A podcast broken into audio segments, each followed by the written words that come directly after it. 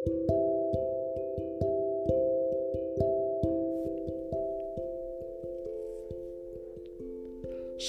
Bapak Ibu, saudara-saudari semua yang terkasih di dalam nama Tuhan Yesus. Kembali lagi kita bertemu dalam seri firman Tuhan dari kitab Amsal. Judul renungan pada hari ini adalah Jangan Tawar Hati.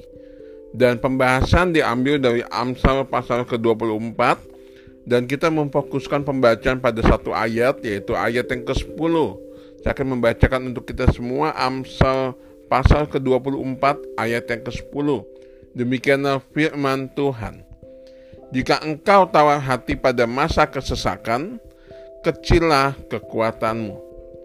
Berbahagialah setiap orang membaca menentukan firman Tuhan setiap hari, terlebih lebih berbahagia mereka yang melakukan firman Tuhan sehingga firman itu bertumbuh di dalam kehidupannya.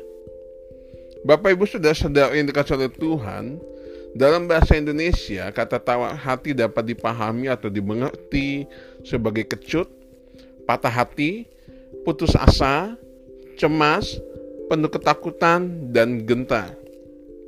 Kata tawa hati yaitu dalam bahasa aslinya mungkin dapat dipahami seperti dalam bahasa Inggris shattered atau hancur.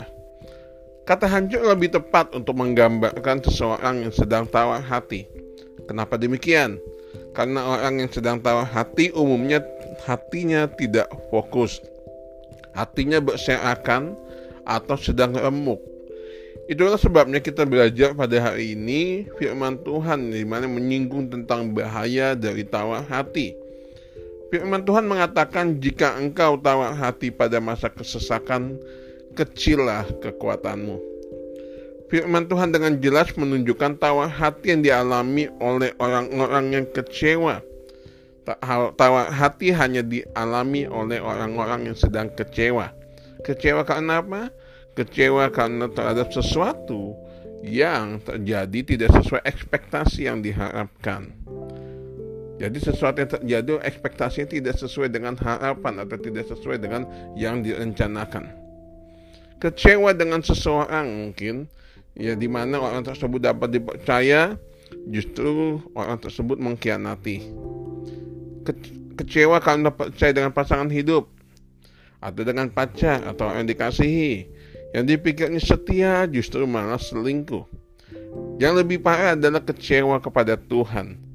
Ketika kenyataan berjalan tidak sesuai dengan harapan. Ketika masalah atau hal-hal yang didoakan yang digumulkan dijawab Tuhan tidak sesuai dengan harapan. Ketika sakitnya tidak kunjung sembuh, ketika kehidupan ekonomi tidak kunjung membaik, ketika keluarga yang tidak kunjung dipulihkan dan masih banyak lagi yang dapat membuat seseorang tawa hati yang berujung menjadi kecewa. Bapak Ibu saudara-saudari semua, perlu kita untuk memahami bahwa di dalam tawar hati sesungguhnya tidak ada pertumbuhan Orang yang sedang tawar hati cenderung mengasihani diri sendiri. Orang yang sedang tawar hati cenderung terfokus dengan diri sendiri serta tidak mampu melihat bahwa setiap realita atau kenyataan hidup yang tidak sesuai dengan ekspektasinya masih berada di dalam tangan kedaulatan Allah. Alkitab mengatakan apabila kita tawar hati dalam kesesakan kecil kekuatanmu. Orang yang tawar hati tidak memiliki kekuatan. Bukan hanya kekuatan secara fisik, namun kekuatan secara psikis atau mental yang membuatnya dapat optimis, mampu menjalani hidup. Oleh karena itu penting bagi kita semua sebagai orang percaya jangan sampai kita mengalami tawar hati, khususnya tawar hati kepada Tuhan. Rasul Paulus menjadi contoh yang tepat atau menjadi contoh yang baik untuk tidak tahu hati terhadap tantangan dan penderitaan yang ia alami dalam perjalanan pelayanannya. Paulus menuliskan dalam 2 Korintus 4 ayat 16 sampai 18 ia menuliskan sebab itu kami tidak tawar hati meskipun tetapi meskipun manusia lahir ia kami makin merosot namun manusia batinnya kami diperbaharui dari sehari ke sehari. Sebab penderitaan ringan yang sekarang ini mengerjakan bagi kami kemuliaan kekal yang melebihi segala-galanya. Jauh lebih besar daripada penderitaan kami. Sebab kami tidak memperhatikan yang kelihatan, melainkan yang tidak kelihatan. Karena yang kelihatan adalah sementara, sedangkan yang tidak kelihatan adalah kekal. Bapak Ibu Saudara sekalian dikasih oleh Tuhan, Rasul Paulus dalam penderitaan yang begitu banyak ia alami, tetap menjaga hatinya supaya tidak tawa hati atau tidak kecewa kepada Allah. Walaupun secara fisik dia semakin lemah, namun manusia rohaninya semakin kuat di dalam Tuhan. Pertanyaannya mengapa Paulus bisa demikian? Karena dia tahu bahwa apa yang Tuhan sediakan bagi dia yaitu mahkota kehidupan jauh lebih besar dari apa yang telah dia alami yaitu penderitaan yang sedang dia alami. Inilah menjadi janji, inilah menjadi kekuatan bagi Paulus untuk tetap setia dalam mengikuti Tuhan dan juga setia untuk terus memberitakan Injil. Bapak Ibu Saudara-saudari semua, apa yang sedang engkau alami saat ini? Apakah saat ini engkau sedang tawa hati dengan hidup yang engkau jalani? Apakah engkau sedang tawa hati ketika sudah lama berdoa untuk penyakitmu, namun tidak kunjung sembuh hingga hari ini?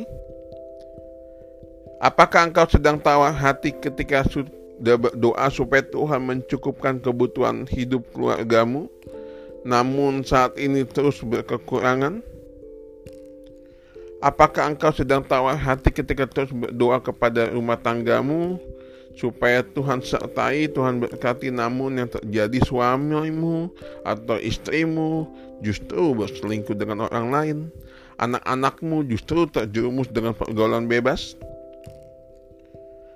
Apakah engkau sedang tawar hati ketika semua yang didoakan dan jawabannya tidak sesuai dengan yang diharapkan?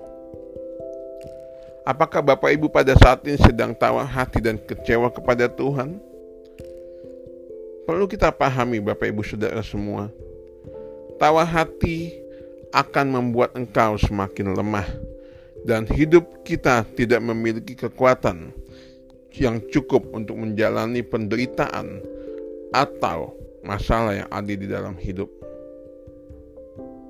Karena itu, Jangan sampai tawa hati datang dan merasuki hidup kita dan membuat kita lemah, kecewa, dan justru kita mempersalahkan Tuhan atas semua yang terjadi dalam hidup kita. Kita membutuhkan Yesus sebagai pengharapan agar tetap kuat untuk menjalani hidup kita.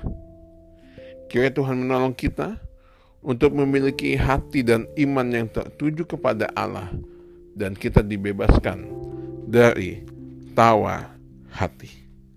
Terima kasih, Tuhan memberkati. thank you